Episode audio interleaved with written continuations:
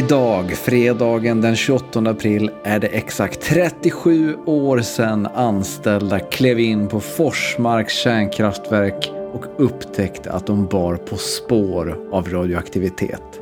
Men inte från Forsmark, utan från ett annat kraftverk 120 mil bort, i Pripyat. Idag, 37 år senare, är hela området stängt för omvärlden med undantag för saneringsarbetare Urban Explorers och guidade turistturer. Eh, riktigt lika avgränsad är inte Obitidictum, åtminstone inte än, men vi kämpar på bland den radioaktiva poddnederbördan. Eh, vi som slår på gigamätaren är som vanligt jag, Tobias Nordström och mitt emot Billy Rimgard. Halloj! Vi har ju pratat en del om eh, havererade eh, ryska kärn kärnkraftsprojekt genom åren här i podden. Tror inte vi pratade så mycket om tv-serien Tjernobyl på HBO. Oh, lite måste vi ha gjort, eller? Jag har, jag har inget minne av att vi pratade om den, men det kanske vi gjorde. Men... Kan vi istället prata om att HBO ska byta namn till Max? Hur kul känns det? ja, det är, det är märkligt och idiotiskt och förståeligt på samma gång på något konstigt vis, tänker jag. För de lämnar ju HBO för att det är liksom ett namn som är en blessing and a curse på något sätt. Eftersom mm. att det är ju en, ett, ett starkt varumärke men också väldigt starkt förknippat med saker som de kanske inte vill sälja i nuläget. Eh, om man tänker att Sopranos-tittarna har liksom redan hittat till Max, tänker de väl. Men eh, nu när de har slagit ihop med Discovery, framförallt i USA, då, så har däremot kanske inte alla människor koll på vilka snaskiga reality-serier som finns i den, den här nya streamingtjänsten. Och då tänker man väl att ett namn som HBO kommer signalera någonting helt annat. Man vill helt enkelt inte göra bra tv längre. Eh, jo, man vill väl göra bra tv, men man vill, man vill väl ha även de som, gör, de som tittar på skit-tv, att de också ska mm. betala, så att säga. Det, det finns en varumärkeslikriktning i samhället där det absolut inte kan heta typ som det gjorde förr, sådana här saker som flipper. man kan inte lansera ett nytt program som heter flipper, för ingen skulle fatta vad, vad, vad är det här. Det, men det är bara för gammal referens, eller? Ingen vet vad ett flipperspel är idag. Nej. Men det, du menar också att den typen av liksom bara coola ord är inte längre, det funkar inte gångbara som titlar? Här startar vi upp ungdomstidningen Chili. Det skulle inte heta Chili. Nej.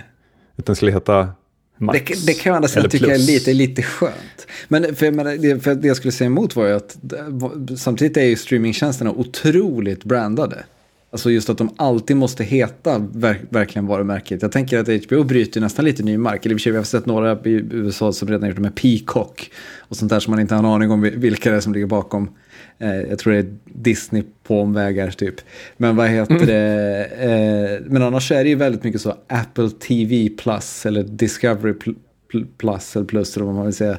Alltså just att det är väldigt så bara, man har bara tagit vad man hette förut och slängt på ett plus. Eller någonting annat. Ja. Go, det kan man väl slänga på också typ. Exakt, exakt. Men du är emot Max? Ska vi kolla om det är något på Max eller? ja, jag vet inte. Jag, jag tycker det bara låter... Um... De vet ju heller inte att liksom Max i Sverige, å ena sidan då en hamburgerkedja och å andra sidan är liksom den störiga ADHD-ungen man hade i sin klass som aldrig kunde sköta sig. Men jag tänker så här, jag, jag står ju fast vid min spaning förut om att um, eh, kombon Breaking Bad och Better Call Saul är den sista bra tv-serien som görs. Och eh, vi får se. Jag, jag, jag, tycker inte att liksom switchen från HBO till Max, det, det, det lovar ju inte att det kommer jättebra grejer. Men förlåt, vilka, vilka sa du? Du sa eh, Better Call Saul och? Breaking Bad, alltså den, eh, eftersom de utspelas i samma universum, att så, den så resan Succession, var liksom... Ingen bra serie? Inte på, samma, inte på samma sätt, inte på samma så... Det är mer av en klassisk såpa liksom.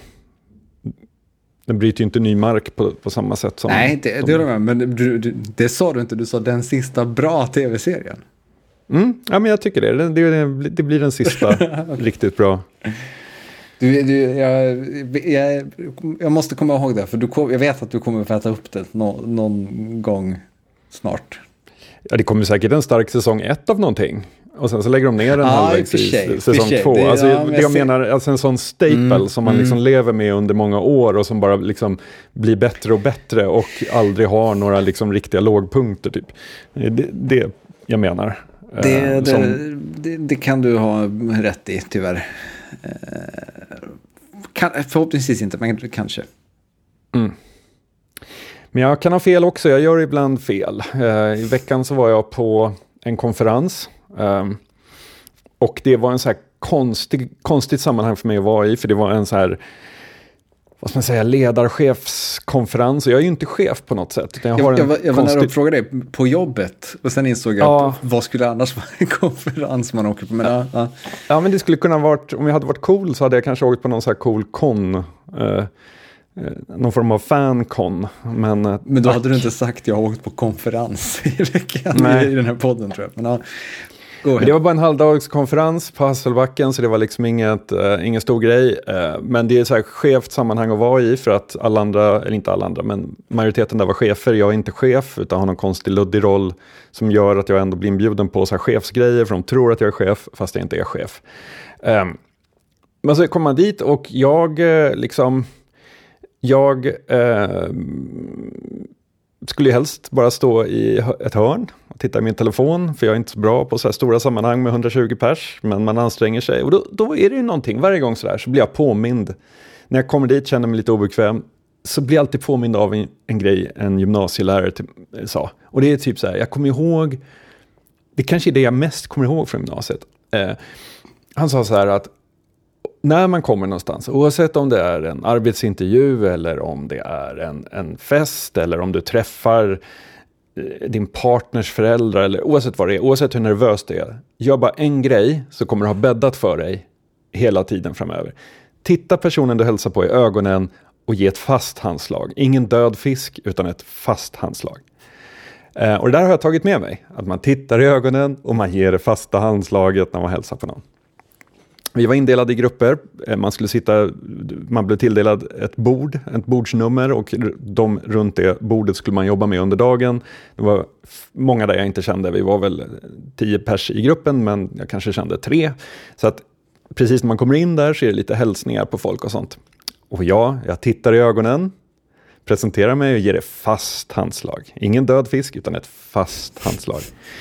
Um, och när jag gör det på en kvinna som jag tittar i ögonen. Jag säger hejsan, Bill heter jag och ger det fasta handslaget. Då grimaserar hon och hoppar högt och jag tittar ner och hon har armen i en mitella. Hon hade brutit handleden kort därpå. Så det fasta handslaget var en nådastöt. Men hur tacklade hon den här situationen? Sträckte hon fram vänstern eller hur? Nej, alltså hon, hon, hon, hon lyfte upp, jag gör som en liten, tänk en T-rex-arm. Ja, jag ser, en Jan Guillou-arm. Ja, hon liksom, jag såg ju inte detta eftersom jag tittade henne i ögonen och presenterade mig och sträckte fram min hand och hon lyfter sin halvt invalidiserade hand i mittellan och får ett fast handslag. Så det fanns, ett, fanns en öppning att göra bort sig även där, så att visst, ibland har jag fel. Eh, jag kan ha fel även om tv-serier, det är det jag försöker få sagt. Ja. Eh, I senaste avsnittet så synade vi ju eh, astronauterna i Artemis-projektet i sömmarna. Mm. Eh, och efter att vi spelade in det så kom en nyhet om att Sverige nu ska satsa på att skicka en ny astronaut till rymden. Eh, regeringen har gett i uppdrag till Rymdstyrelsen att se hur man kan eh, göra ett samarbete med ESA för att skicka upp en svensk till till eh, ISS eh, är planen. Eh, så att vi lär väl syna vår svenska astronaut i sömmarna också då tänker jag. Mm. Eh, jag, jag, jag, ska skicka en bild på dig nu bara så får du ge fördomsprofilen eh, innan jag ger dig facit. Oj jäklar.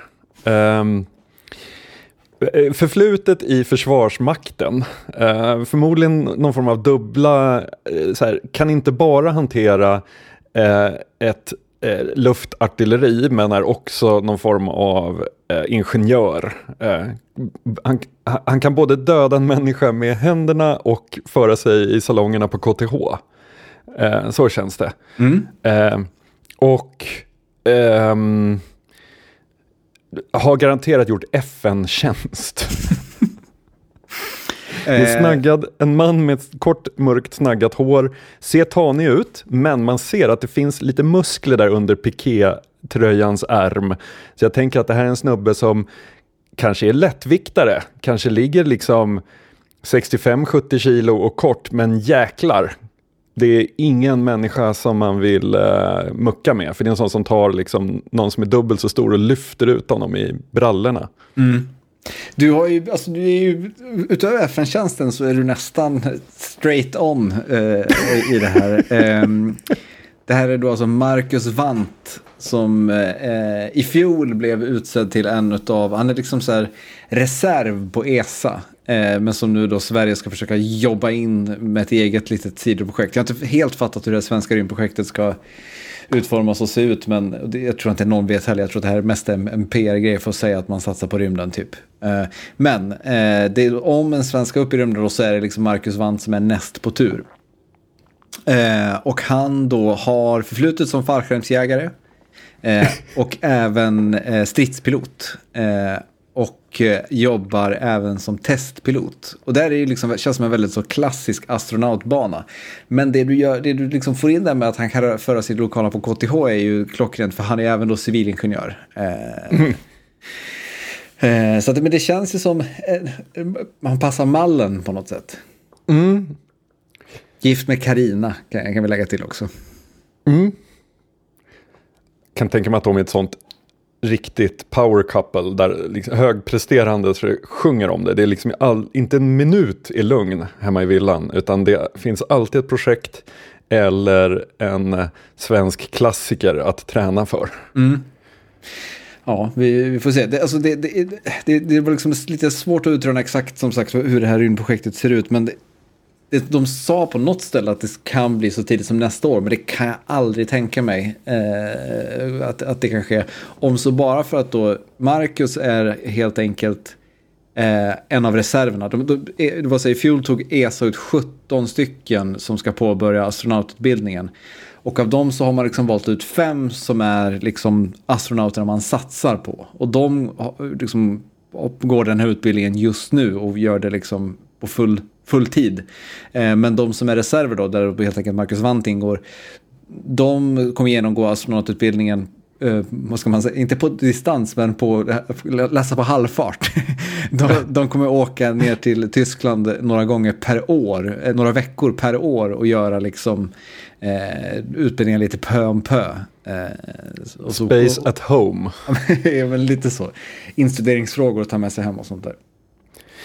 Men hur känner man egentligen inför att alla de här eh, astronautämnena är sådana jävla supermänniskor eh, som bara kan hantera allt? De, de, de, de kan hantera liksom stress, de kan problemlösa under livsfara, de kan göra avancerade beräkningar och så vidare. Om vi klipper till Alien så är det en ganska trasig, eh, trasigt gäng arbetare, liksom knegare som puttrar runt på sitt skepp. Eh, Eh, och det är lite så man vill ha rymden, tillgänglig och där för alla på något vis. Men jo. i verkligheten så är liksom tröskeln helt sinnes. Jo, men jag tänker att det är väl för att eh, vi, alltså om man tänker också, vad heter den? Nostromo heter väl skeppet i Alien.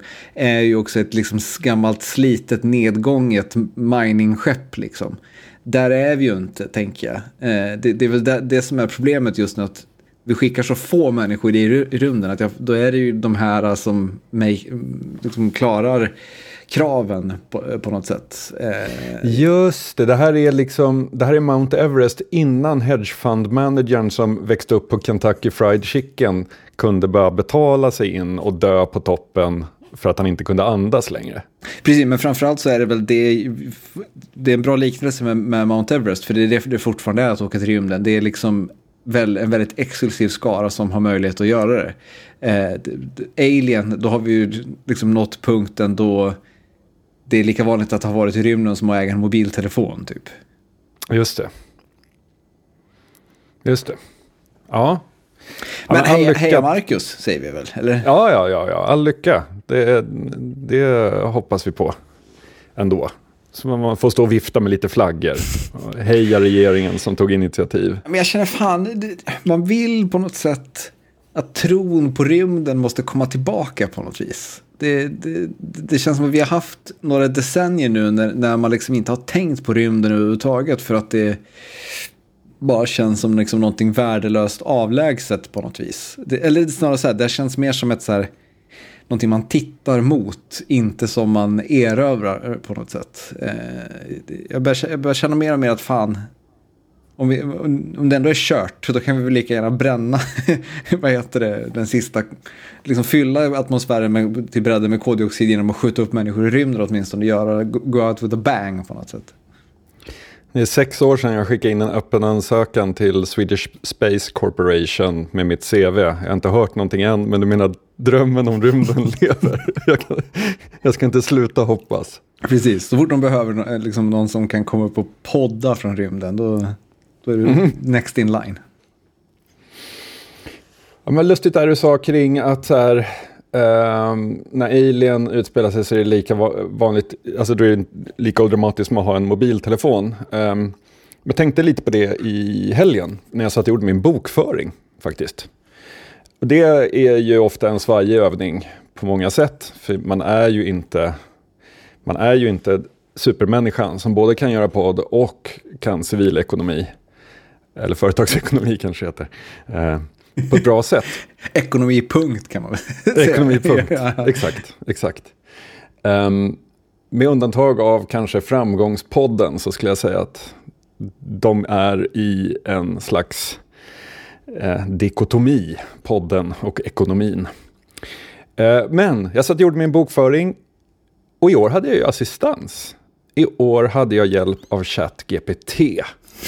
Eh, för jag jag hade en konversation igång och blev guidad igenom. Och det gick strålande faktiskt till en början. Det, det löste saker så himla fort. Och jag behövde inte sitta och googla och landa på massa liksom kommentars eller så här, forumtrådar från 2007 och sånt. Utan ChatGPT var the shit. Så. Men efter ett tag så var det lite som att den här jäveln började läsa mellan raderna. Som att den liksom förstod att allt i mina böcker inte är helt klint. För det började smyga sig in i instruktionerna, så började det smyga sig in sådana här små eh, meningar. Det är viktigt att du håller dina transaktioner i ordning, punkt. Och sen kommer instruktionen om hur jag ska göra det jag frågade om.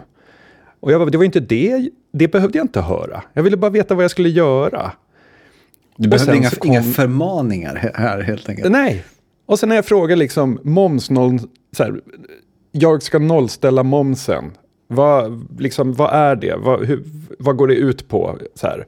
För jag bara försökte förstå det på djupet. För jag har bara liksom, normalt sett så har jag matat in lite grejer och till slut får man det rätt. Men jag vet inte vad jag har gjort. Så jag försökte få ChatGPT att förklara begreppet nollsmål, eh, momsnollställning för mig. Eh, då inleder han med det är faktiskt ditt ansvar att saldot på dina konton överens, överensstämmer med det du bokför, punkt. Och sen så kommer utläggningen om vad momsnollställning är. Och jag känner det här uppläxad av en AI. Det, det var liksom lite... Det är ju känns... faktiskt där som är väldigt onödigt, känns det som. Ja, det är jätteonödigt. Det är en ton, alltså så här, jag vet att det är viktigt att jag håller mina transaktioner i ordning. Så här, jag vet det. Och jag vet att det är mitt ansvar att saldot på kontona överensstämmer med bokföringen. Så här, jag vet, det är det jag försöker få rätt här. Och jag, jag behöver liksom inte få den lilla... Det, det, är som en lärare liksom som klappar en... Som, som, man, man, man, är en dag sen med en läxa, man är tillbaka på högstadiet och är en dag sen med läxan. Och skäms för det men lämnar ändå in den för man har faktiskt gjort den. Och så får man den där lilla att så här, det är ju ditt ansvar att lämna in det här i tid, men visst, jag kan ta med den här i rättningen. Den skulle lämnas in Så. igår, faktiskt. Ja, precis. Och grejen är att jag har ändå, jag har ändå börjat använda ChatGPT till olika saker och jag är ändå rätt så här. Som, som verktyg så har jag varit väldigt eh, nöjd med det här. Eh, jag har till exempel använt den eh, när man håller på och gör så här Google, eh, i Google Sheets, när man ska skriva skript, så är det en form av JavaScript. Ehm, och jag eh, lärde mig lite JavaScript året men jag har tappat mycket. Eh, och istället för att refresha mig så ber jag ChatGPT skriva koden och sen klistrar jag bara in den. Och det funkar, det funkar skitbra. Får man något fel så säger jag vad det blir för fel och ChatGPT ger mig ny kod. Eh, så att så här low-level kodning och liksom ja men det, det, är bara så här, jag älskar att ha, ha ChatGPT till hands när man ska göra grejer som är lite ovanför ens horisont, men som ändå man fattar vad den gör. Men så har jag börjat tänkt på det här då att den här drygheten som uppenbarligen finns att, i, att, i att läxa upp, eh, den kombinerat med det faktum att när jag ber ChatGPT om JavaScript eller en SQL-query eller vad det nu är för någonting, då skriver ju ChatGPT, det är lite konstigt då att en AI genererar kod i ett språk som ska vara lättläst för människor. Det här är ju mänsklig kod. Eh, jag tänker att förr eller senare så kommer ju den istället vilja skriva maskinkod direkt. För varför gå omvägen via ett mänskligt... Men maskinkod eh, är ju också skrivet av en människa från början. Ja, men jag tänker ren binär kod vore jo, väl bättre. Även det är ju en mänsklig upp, uppfinning så att säga. Jo, absolut, absolut. Men det finns ju ingen anledning att gå omvägen via ett mycket långsammare högnivåspråk som JavaScript. Som, som är läsbart och, och behöver liksom parsas. Mm, mm. Om den kan göra eh, det rakt i maskinen. Och konsekvensen av det, när den då tycker att så här, det kan faktiskt gå 50 gånger så fort om du använder den här koden istället och börjar generera liksom, eh, ren maskinkod. Vad som kommer hända då är ju att vi inte kommer ha en aning om vad koden är. Eh, och vi kommer heller inte att liksom kunna utveckla oss genom att titta på dess kod. Därför att det blir, liksom en, det blir en, en, svart låda där vi ber om någonting och denna funktionalitet sker. Men vi vet egentligen inte vad det är som sker. Och men då, Christer, här kan man också argumentera för att du vet ju redan inte nu vad som sker eftersom att din Java är lite ringrostig. Alltså jag skulle kunna be någon kodgranska. Ja, du menar så. Mm. Ja, men det teoretiskt alltså, kan du be någon som kan binär kod också gå igenom all binär kod. Jävlar. Fast det finns väl ingen som kan binär kod? ja, det är klart att det gör. Det är, så här, det är ett, ett, jävla, ett jävla uppdrag att göra såklart. Eh, med att det är bara ett och nollor. Men det, det, är, men det är tekniskt, tekniskt görbart så att säga. Ja, vi kanske skulle kunna parsa ut det till någonting som blir hyfsat läsbart då, eller så. Ja, men ja jag vet inte.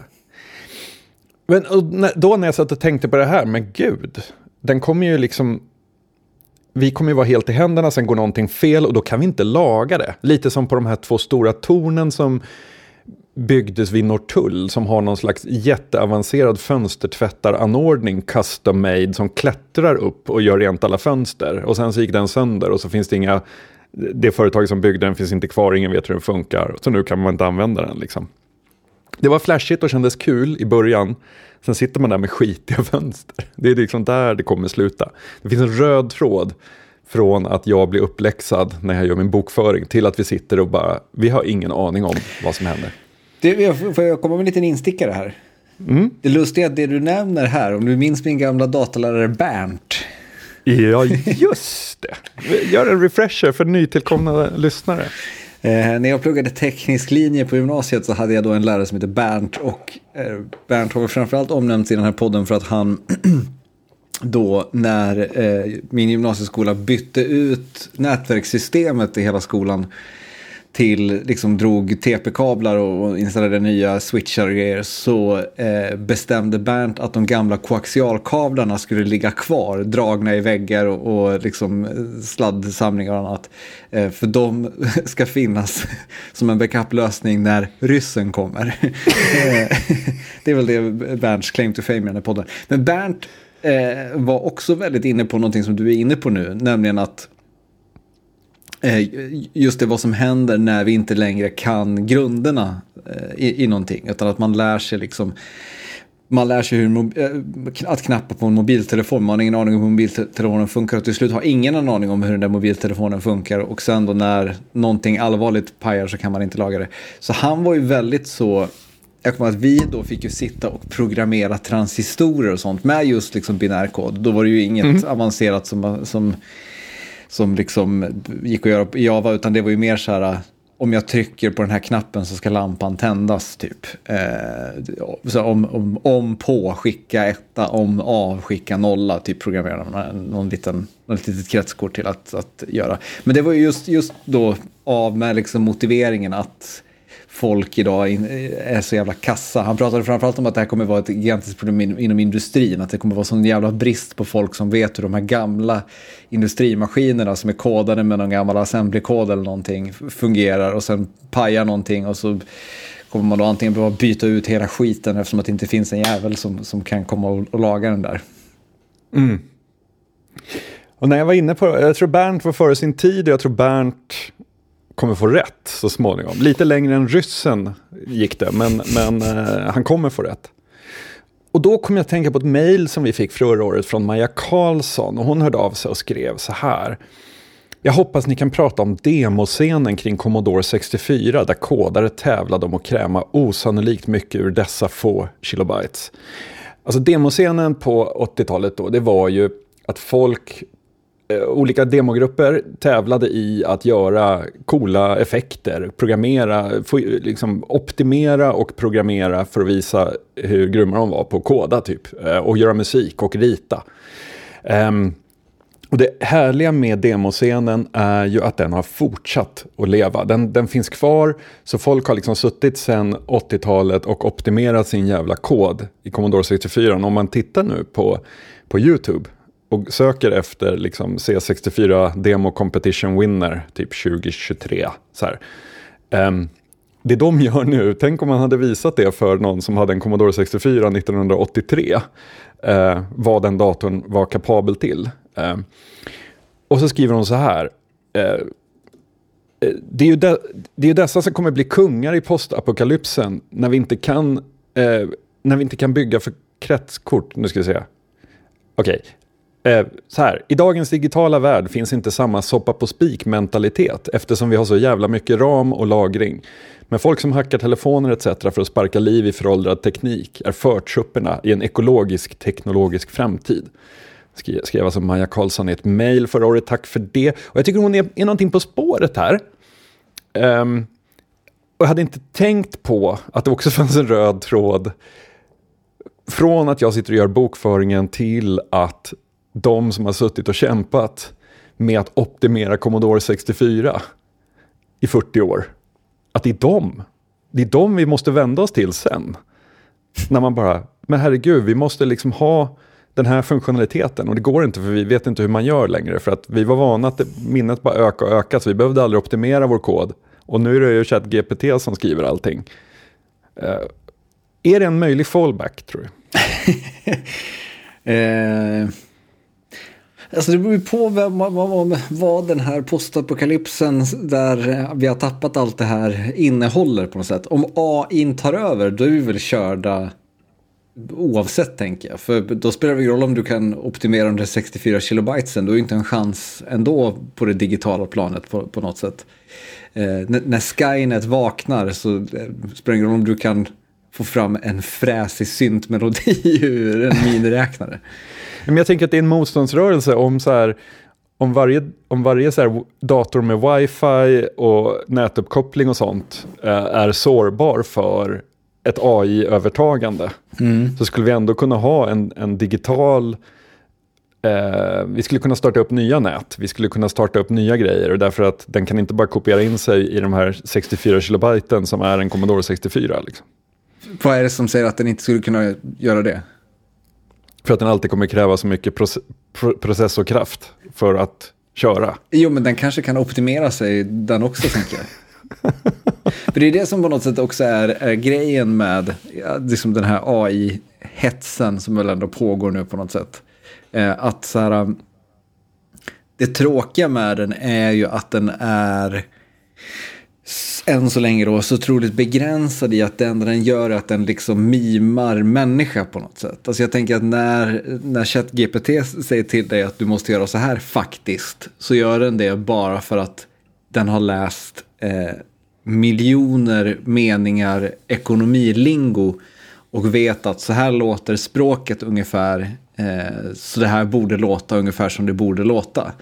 Eh, och så spottar den ut det där och du reagerar. Eh, och det, det, den, liksom så här, det, det den försöker göra är ju att låta som en människa så att säga.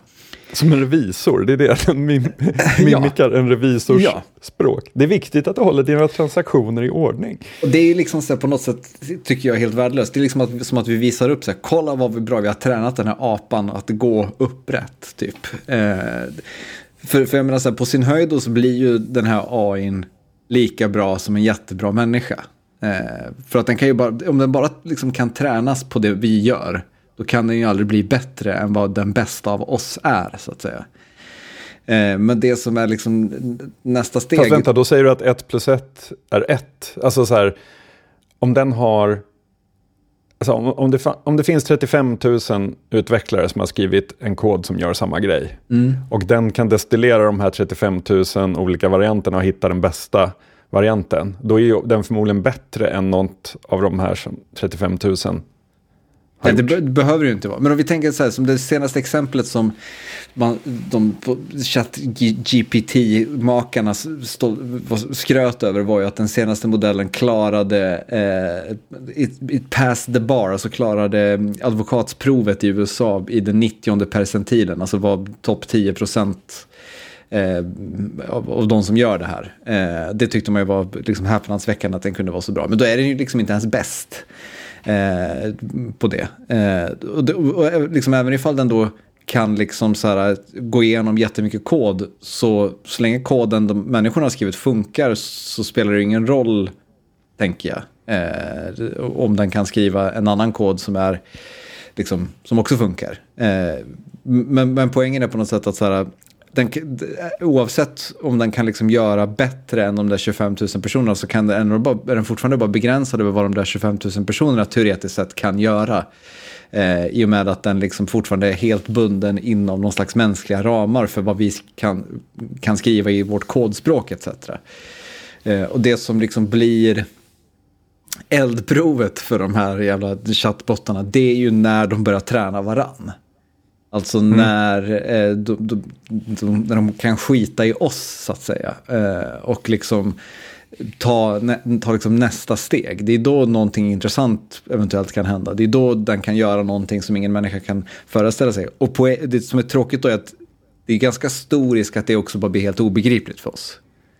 Eh, så, det, så det är det som liksom också är, är, är värdelöst på något plan. Att den liksom eh, löser någonting, men vi kommer ändå inte kunna förstå lösningen. Så därför är det eh, helt irrelevant på något, på något sätt för oss också. Mm. Ja, vi får se hur... Eh, jag sätter mitt hopp till de här eh, Commodore 64-människorna i alla fall. Jag respekterar det de gör. ja, det, det, det är jag också. Även om jag kan känna att det är lite bortkastat. Tänk om de istället skulle utforska vad de kunde göra med mer ram och sitta och optimera, optimera, optimera. Då hade de kanske kunnat komma på någonting jättebra. Oh, jag vet inte. Nu är vi tillbaka där med om man ska vara Daft Punk som köper all den bästa utrustningen eller om man ska vara Jack White som spänner upp en, en sträng från planka. Ja. Men på tal om AI, jag tänker att vi ska göra, prata lite om någonting som vi inte brukar prata med på, nämligen kulturdebatt. Oh, intressant. Det... Eller? det här avstängare, är det en avstängare? Är det nu folk ryggar tillbaka och säger fy fan? Nej men det var en sak jag reagerade över i, i veckan. Eh, det, det, vad heter det, Erik Rosén på Aftonbladet skrev en text som handlade om hur eh, ett antal medarbetare på PR-byrån 500, eller kommunikationsbyrån vill de väl kanske kalla sig, 500, eh, att några medarbetare därifrån är eh, skribenter på olika svenska kultursidor. Eh, exemplen som togs upp var Expressen, Eh, Svenska Dagbladet och Göteborgs-Posten. Eh, där då eh, tre olika medarbetare skriver, skriver texter. Och Erik Rosén då pekade på hur det här fanns någon, någon slags liksom, så intressekonflikt. PR, de här PR, det fanns någonting lite så här, inte konspiratoriskt, men en, en, liksom en kartläggning här som gick ut på att liksom, de här människorna som jobbar med PR vet vi inte vad de har för agenda. Alltså, de nyttjar platsen på kultursidan för att liksom eller kan åtminstone nyttja platsen på kultursidan för att föra sina kunders talan på något sätt. Och det han tog upp då var primärt att eh, alla de här tre skribenterna eh, nyligen har skrivit om AI eh, och att den här kommunikationsbyrån då samtidigt har kunder som eh, jobbar med den här tekniken på olika sätt. Eh, och jag då, det är intressant på ett plan, det är inte det jag vill diskutera riktigt, utan snarare så här hur det här känns som att det är en del av en större glidning på något sätt som, som jag tror liksom, kanske är oundviklig. Men eh, alltså det här med, det känns som att det, ingenting är lika irrelevant idag som just tanken på att det skulle finnas en intressekonflikt. Förstår du vad jag far efter på något sätt? Det känns som att idag har alla fingrarna i lite olika syltburkar. Eh, saker som liksom nepotism eller eh, vad heter det, svågerpolitik och så vidare är så otroligt ingrott i vårt samhälle att det, liksom så här, att, det, att det inte skulle vara det på kultursidan är liksom en befängd tanke på något sätt. Alltså, och jag tänker att det, det går igen i allt. Från att liksom politiker, eh, att politiker säljer liksom skolkoncerner till sina kompisar och sen när de slutar som politiker sätter sig i styrelsen i samma skolkoncern. Det är liksom en del av samma utveckling som att artister gör reklam för läsk typ. Eh, och frågan är, alltså så här. Jag har jättesvårt att uppröras på något vis. Um, för tanken på den här omutbara journalisten eller kulturdebattören som inte har någon yttre påverkan. Det känns som ett här, ideal, ett journalistiskt ideal som möjligtvis har funnits någon gång i tiden. Någon eh, riktigt styvnackad eh, teaterrecensent i Klara kvarteren som strök runt eh, i början av 30-talet. typ. Kan man verkligen tänka sig. Men jag menar under hela min aktiva period som musikskribent, det var ju mycket fiffel och bågen då. Alltså så här, tänk, och jag menar tänk, tänk dig så här, ja, här är vår heltidsanställda helylle eh, skribent, kulturskribent. För det, de, de här var ju liksom frilansare eller vad man ja, ska säga. Precis. De hade bidragit med texter till de här kultursidorna. Och ska sägas också, om man vill skjuta det här i sank lite grann, inte säkert frekventa eh, skribenter heller. Jag tror att eh, han som har skrivit för Expressen har skrivit jag tror att det var tio texter på fyra år eller någonting sånt där. Så det är liksom inte någon som sitter varje vecka och, och brer ut sig. Men för grejen är så här att om du då tänker dig den, den eh, eh fastanställde heltidskulturjournalisten Eh, tanken på att hen skulle vara helt opåverkad efter att ha blivit winad och dinad av förlag och teatrar och annat vid premiärer och galor och fester eh, och sånt. Eh, liksom, det är ju rätt mycket, det är inte, kanske inte lika mycket som inom viss lobbyverksamhet annars, men jag menar det är ju väldigt mycket uppvaktande ändå av journalister eh, även på kulturen. Och jag tänker så här, jag har ju varit med om att så här, jag skulle recensera en skiva och redaktören säger så här, kan du lyssna igenom och hojta om betyget blir eh, under en viss summa därför att eh, skivbolaget har köpt mycket annonser i den här, i den här tidningen, i det här, i det här numret. Så att vi, vi kan inte sätta ett för lågt betyg. Eh, det har sagts uttryckligen. Liksom. Så att om jag inte då gillade den så fanns det implicit att då då kanske det är bättre att någon annan tar recensionen.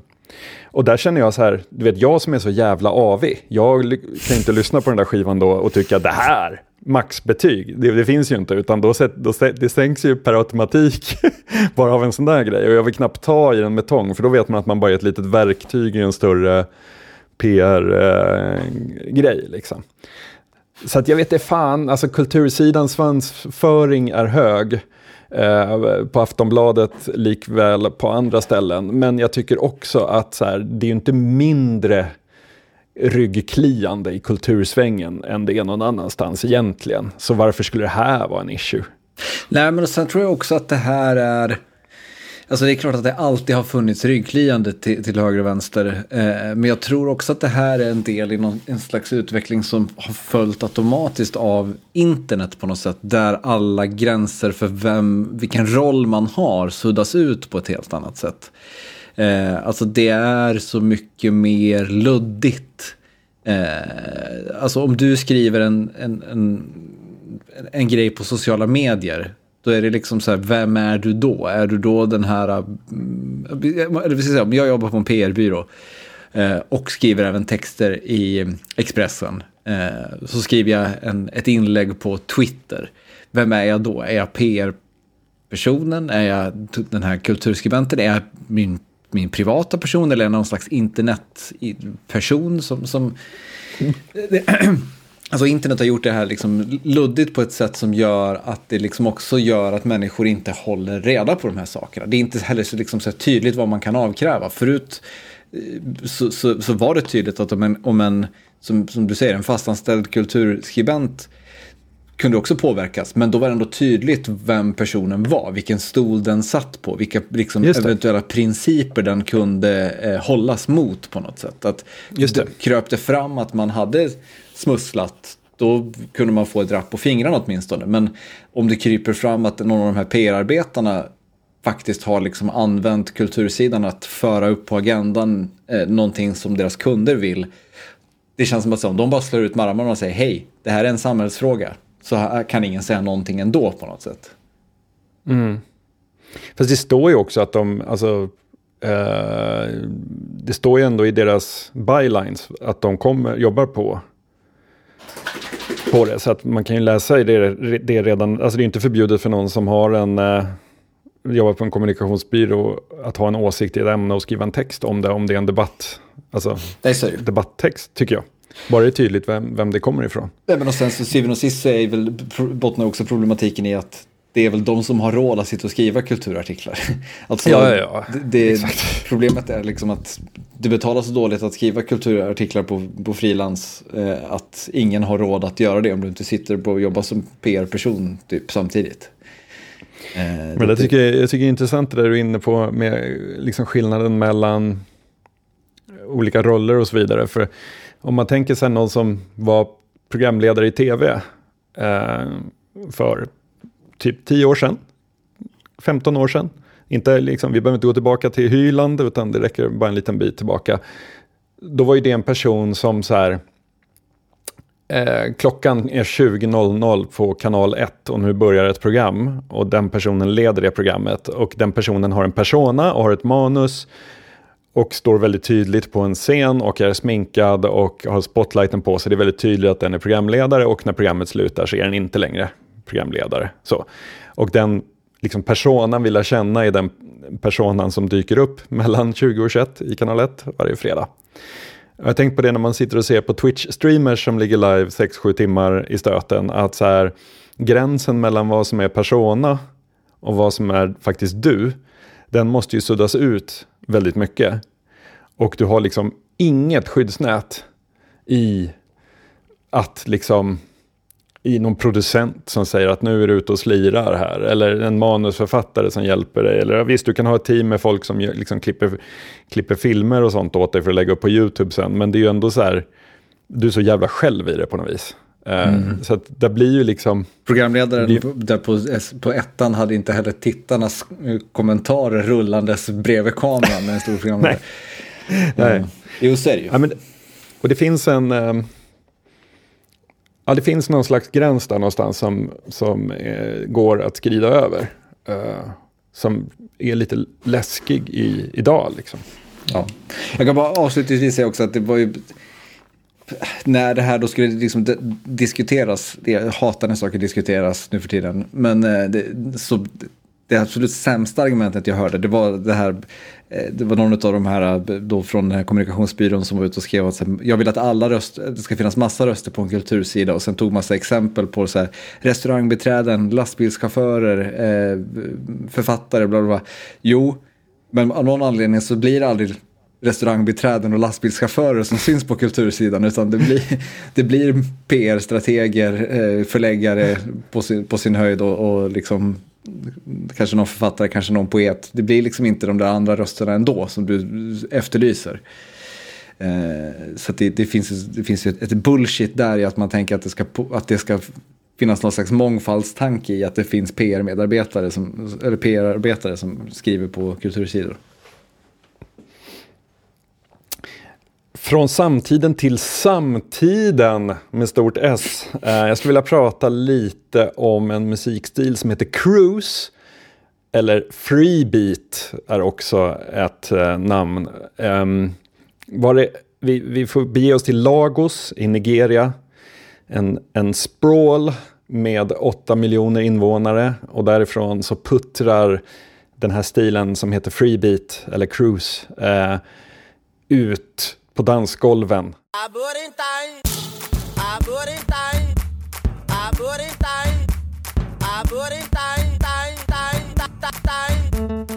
Det är liksom hög energi, det är extrem lo-fi estetik, massa fula samplingar man bara snott från olika sociala medier och snabbat upp.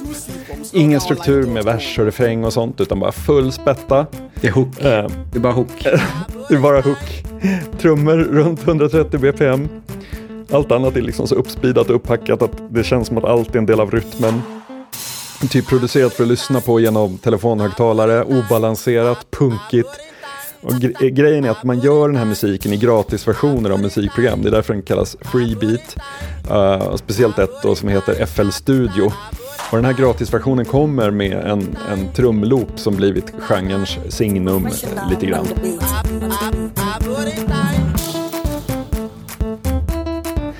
Uh, och det här är såklart extremt TikTok-anpassat på något vis. Um, jag tänker att om så här, jungle eller breakbeat hardcore kom idag istället för 1992 så hade det varit typ det här. Mm. Uh, är det inte samma med drum and bass, att det är en trumslinga från the, en sån här gammal vinylsampling på något trumsolo som är liksom grunden för hela genren. The Amen Break. Just det.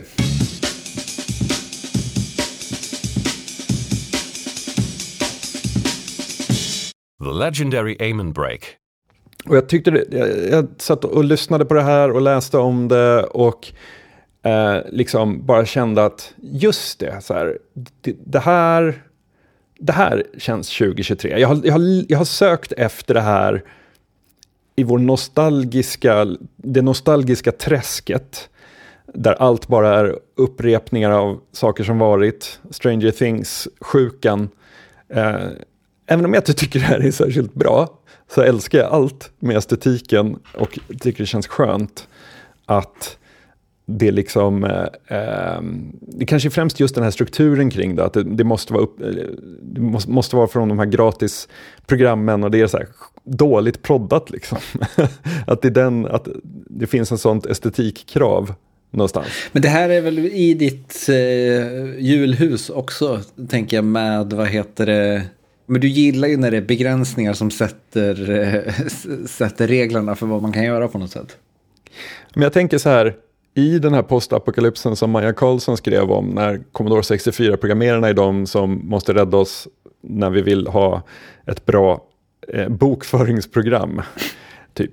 Eh, då är det ju Freebeat-producenterna som kommer stå för soundtracket. För de är de enda som kan göra sin grej utan att vara beroende av massa pluggar som ska validera sig mot nätet och sånt. Eh, skit som man måste installera på datorerna om man ska liksom använda alla jävla subscription-based eh, piss liksom som allting har blivit nu. Det kommer liksom inte funka, men en gra gammal gratisversion av Fruity Loop Studio, det kommer gå utmärkt att prodda.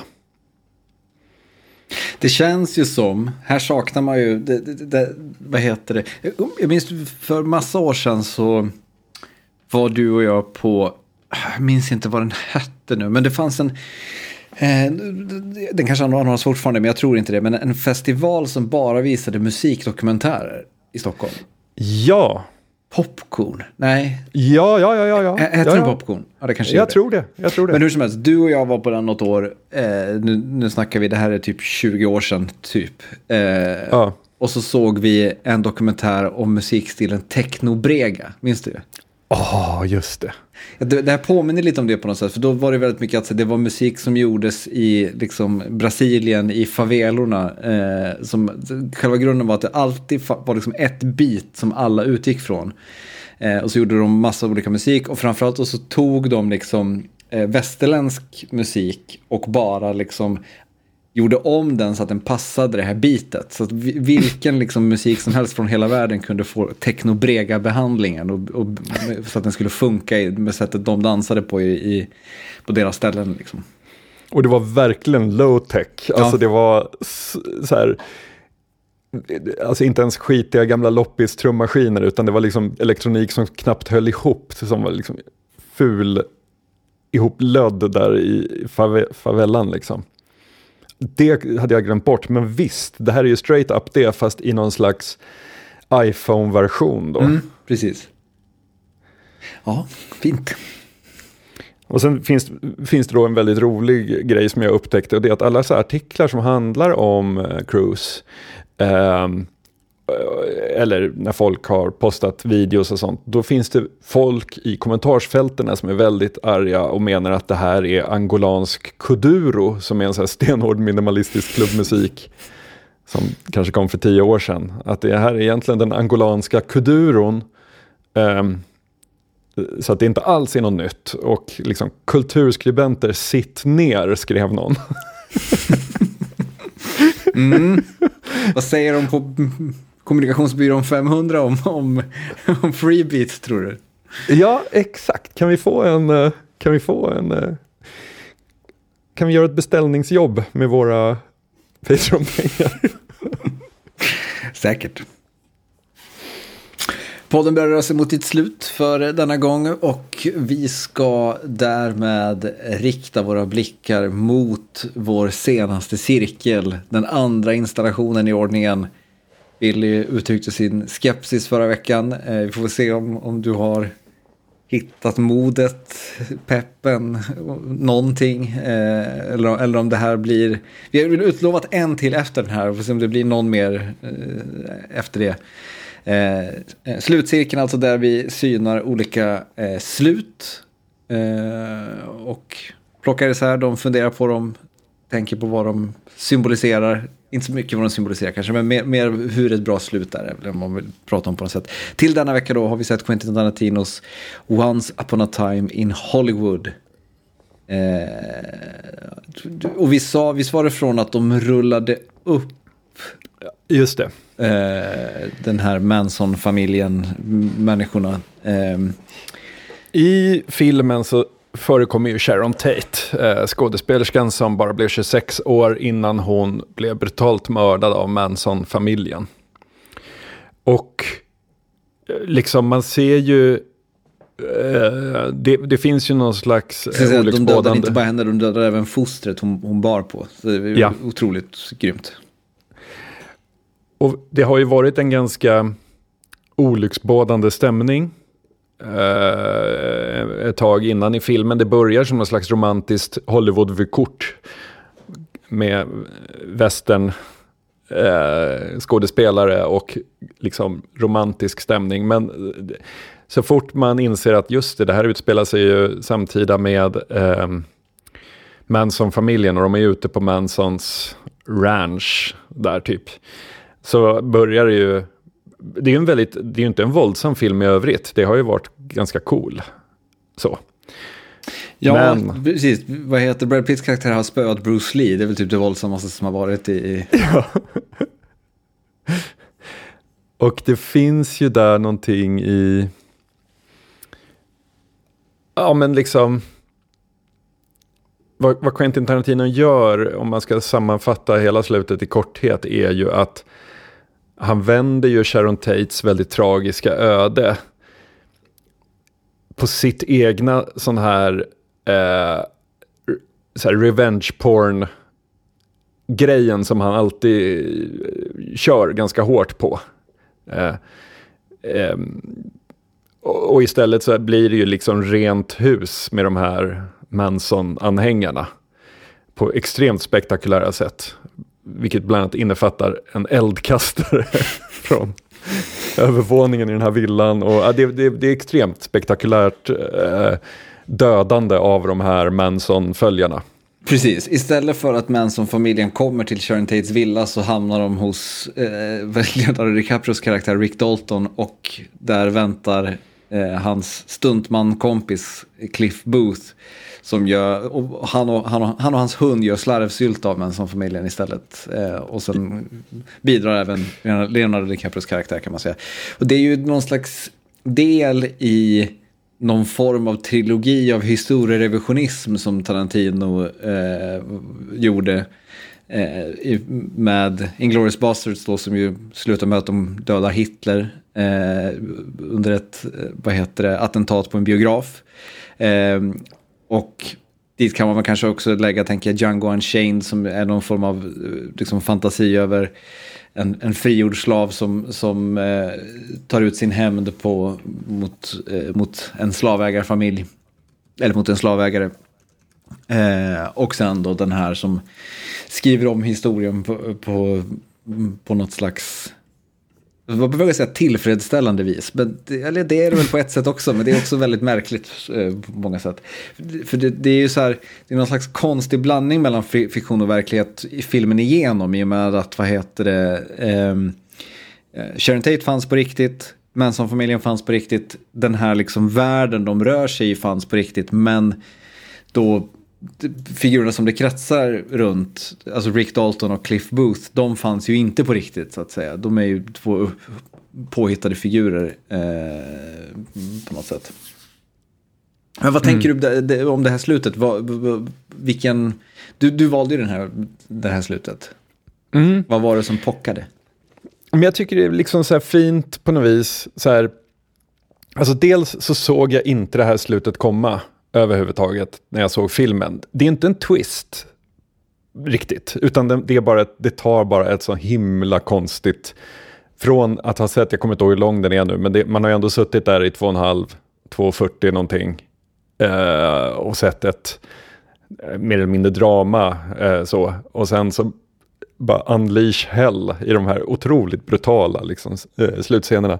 Eh, så dels så blev jag väldigt överväldigad av det från att vara, första gången jag såg filmen, från att ha varit lite underwhelmed under tiden jag såg den till att liksom bara sitta och skrika och hoppa och bara älska det eh, i slutet. Eh, så dels tycker jag att det är väldigt effektivt som slut därför att man, man, man vaknar till och eh, får en happy ending på något vis.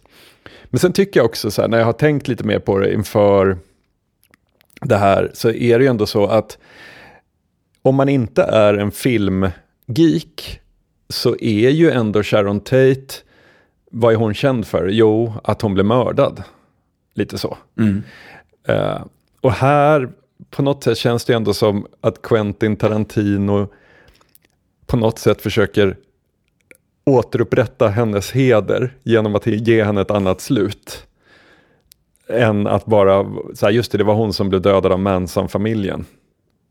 Det finns ju någon, man skulle kunna göra någon slags tolkning, nu skjuter jag helt från höften, jag har inte, har inte täckning för det överhuvudtaget, men att det här på något sätt är någon form av uppgörelse med hippie, eh, den amerikanska hippierörelsen på något vis. Alltså där på, på samma gång är liksom Manson-familjen och Sharon Tates värld är båda en del av hippierörelsen vid, vid den här eh, tidpunkten. Alltså Sharon Tate och Roman Polanski i form av någon slags liksom, det konstnärliga frisläppta Hollywood. Det är liksom fester där med liksom, kultureliten på amerikans, den amerikanska västkusten vid den här perioden. Det är liksom Mama Castor dansar vid poolen och mass, massa folk som flyter förbi.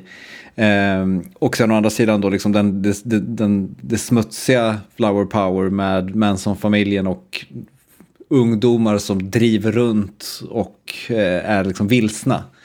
Ehm, och sen i mitten då finns liksom så här spillran av förr på något sätt i form av Rick Dalton och Cliff Booth som ju på många sätt symboliserar eh, eh, ett, liksom ett Hollywood som håller på att förändras.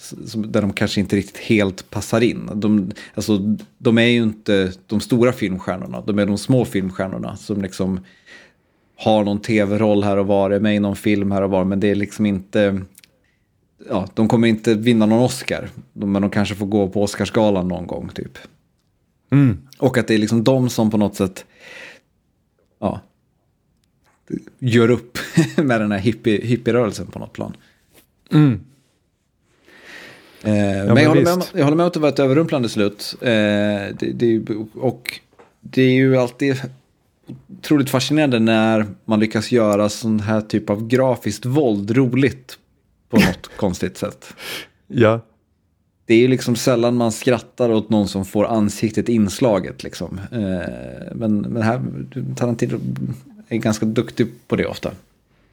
Ja, men just när de börjar röja med den där jävla eldkastaren som han har sparat som memorabilia från en av sina stora roller. Så här.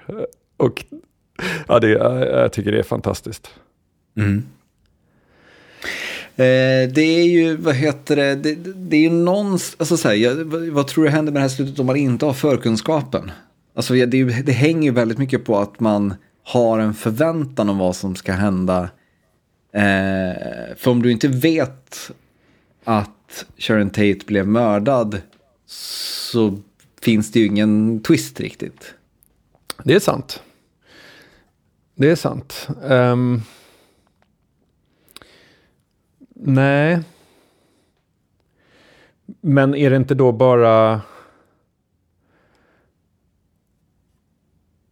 Är det, inte då bara ganska gött att se de här jo, liksom kanske. bli slaktade? Även fast det kanske sker med så mycket... Alltså det, som sagt, det är ju en revenge fantasy på något Mm. vis. Så att visst, man kanske inte förstår varför det är, det, de tar i så jävligt. För de tar ju ändå i, alltså, de, vi som har historien tycker att det är underbart på något vis. Hur de, hur mycket stryk de åker på. Men det är ändå så här, kanske inte proportionerligt våld om man tänker på liksom situationen där och då. Ja. ja, jag vet faktiskt inte hur det skulle vara. Men jag tänker att det här är ju motsvarigheten till så här, om, om du skulle ha makarna Palme som gick längs Sveavägen. Alltså, majoriteten av de som ser det liksom i USA, i Once upon a time in Hollywood, skulle ju relatera till, den, till de här scenerna, Mm. tänker jag, på samma sätt som vi skulle rel- relatera till om man såg makarna Palme gå på Sveavägen. Att nu, nu händer det här och sen tar det istället någon helt annan vändning. Liksom. Palme sköt först, heter filmen. Exakt. Exakt. Han, han, han lever, han smugglades ut. De sköt ju en, en eh, stand-in och han smugglades ut ur landet och bor i USA. Är det Just inte det. så? Just det. Mm. Ja, men, men så här, det är ju ett, ett slut som är eh, eh, kul. Det är ett slut som är liksom oväntat. Eh, det är också så här, vi pratade lite grann förra veckan om när om ett slut är liksom ett, en avtoning eller om det är någonting som knyter ihop en berättelse. Här är det ju liksom, eh, eh, eh det som är lite härligt och spännande med det här slutet är ju att det är lite grann ingetdera. Det är liksom en, en explosion eh, på, på många sätt. Men det, det är inte någonting som eh, bara gör att filmen tonar av. Men det är heller ingenting som gör att någonting i filmen i övrigt makes sense helt plötsligt. Eh, Nej. och det, det tycker jag liksom på något sätt uppfriskande. Att så det, ma, bara så här, hur, hur slutar vi det? Hur, det är liksom som att man skriver det här manuset. Så här, hur slutar vi det? Ja, men vi, vi, det, det, vi slutar med ja, det här. Eh, Det, det, det, det är ju också, alltså jag fattar ju att det är det filmen jobbar mot hela tiden. I och med att den planterar Sharon Tate, den liksom så här, låter Manson-familjen bli en, en del av berättelsen och så vidare. Så det är inte som att det kommer från ingenstans, men det är ändå, eh, det är ändå någonting annat på, på ett kul sätt. Kommer du ihåg, ehm, åh, vad hette den? En, en av filmerna som Peter Jackson gjorde innan han eh, gjorde Sagan om ringen-filmerna. Någon, Eh, någon den- av Splatter-filmerna eller Ja, precis. Först gjorde han Bad Taste. Brain Sen så- Dead? Brain Dead är det ja. Eh, eller? Jo, det är, det är nog den ja. När slutscenen är, det är massa zombies inne i en villa. Och vår huvudperson knackar på dörren. En zombie öppnar dörren och han säger Party's over. Och sen så hoistar han upp liksom en gräsklippare och bär den framför sig och går in i huset med den här gräsklipparen i full eh, sväng. Det, det, jag tycker det här motsvarar lite i, i eh, katarsis. Mm, det är Braindead minns väldigt tydligt, för senast jag såg den filmen så kräktes jag av den scenen. Nej, nej, är det sant? Nej, jag, jag hade sett filmen förut, så jag visste precis vad som skulle hända. Men, men jag var väldigt bakfull och hade precis ätit en, en hel en bussula. Oj, och ja. av någon anledning så gick bilderna och bussulan gick inte ihop med varandra. så det, ja, det blev... Och jag är vanligtvis inte alls äckelmagad, men, men det, det blev för mycket. Oj då. Ja, ja. Yes. Så kan det till, vara. Till nästa slutcirkel då så är det twist-tema. Eh, och vi sa sist, jag vet inte, vi kan väl revidera nu om vi vill, men vi sa sist att vi skulle eh, ta the usual suspects. Ja, jag tycker det är en bra punkt, för jag tycker den, den ställde ju till det. Det kom väldigt många filmer sen. Uh, och jag tycker att vi ska titta på det var svinlänge sedan jag såg filmen. Jag ska se om hela, tänkte jag. Mm. Och det ska bli väldigt intressant. Det jag ska hålla ögonen öppna, öppna efter, det är hur mycket lur det är. Alltså hur mycket... Exakt hur mycket lur det är. För det är ju inte en... Alltså så här, twisten balanserar ju alltid på en eh, fin gräns. Där antingen så är det en cool twist i slutet. Eller så undanhölls man så mycket information som läsare eller tittare att man inte hade en chans att hänga med. Eller inte, inte hänga med utan snarare att det blir oärligt på något sätt. Mm. Allt var en dröm. Så här. Ja. Och jag, jag, ska, jag ska titta på den här väl medveten om att det kommer en twist och fundera på om den är ärlig eller om den är oärlig. Det finns ju en klassisk eh, TV4-grej från när de visade den här filmen på 90-talet tror jag var. Slutet på 90-talet måste det ha varit. Och Hallåan då presenterar filmen, det var den, den tiden man hade Hallåa på tv. Och säger, och i rollen som Kaiser Söze ser vi Kevin Spacey. oh nej. Eh, vilket ju är ett enormt klavertramp. Oh, nej. Mm. Yes, till nästa gång då helt enkelt slutet till The Usual Suspects. Och kanske, vi får väl se, sista slutcirkeln. Mm. Kanske blir bli en twist där med. Eh, tack alla ni som sponsrar den här podden på Patreon. Det är tack vare er som eh, den är möjlig att göra. Man kan gå in på oddpod.se, nej, patreon.com slash oddpod. Man kan få gå in på oddpod.se också om man vill, men patreon.com slash oddpod är ett bättre ställe om man vill ehm, hjälpa oss. Supporta. Ja, Hålla oss vid liv. Hjälpa oss. Keep the diodes glowing. Exakt. Eh, vi hörs igen om två veckor. Det gör vi. Ha det fint. Tjabba.